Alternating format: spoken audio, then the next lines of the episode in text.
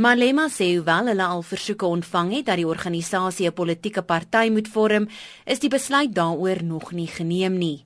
Hy sê hulle sal aan die einde van die maand 'n besluit kan neem na hul nasionale vergadering.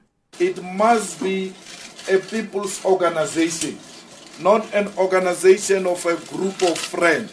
People shall come together on their own say we want an organization and these are the policies of that uh, organization.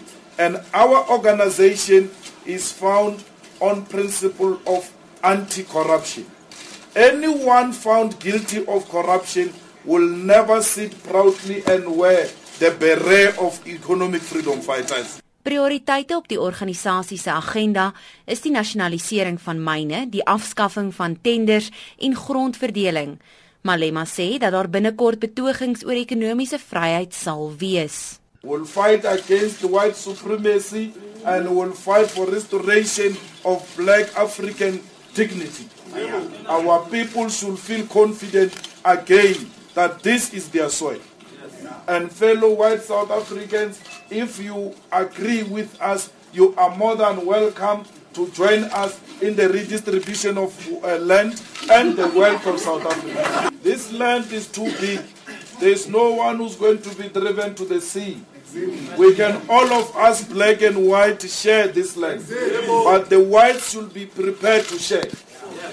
Because failure to be prepared to share, you are going to be forced to share. Malema meen die Economic Freedom Fighters staan vir die bevryding van die mense. We knew when we started this course that we are going to be dealt with. We were never served a tax bill when we were in the ANC.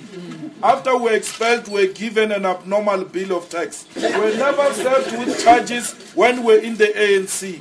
After leaving the ANC, we were served with charges. The political will to liberate our people from economic oppression is what drives us. Not even prison can take away that political will. We will shout economic freedom from the cells if needs be. When we're there, all the issues we raised, we won them.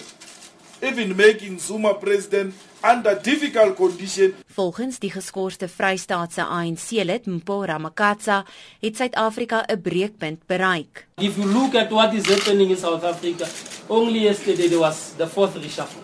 And if you check at people that are reshuffled, what makes Angie Motshekga to still remain the Minister of Education? What makes Nathi Mthethwa to still remain the Minister of Police?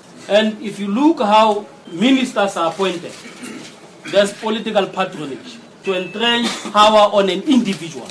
Look at legislation. Why do we have secrecy bill today? To protect an individual. Malema sê hulle is bereid om saam te span met ander bewegings. Hierdie verslag van Horisani se Tolle. Ek is Melissa Tuggie in Johannesburg.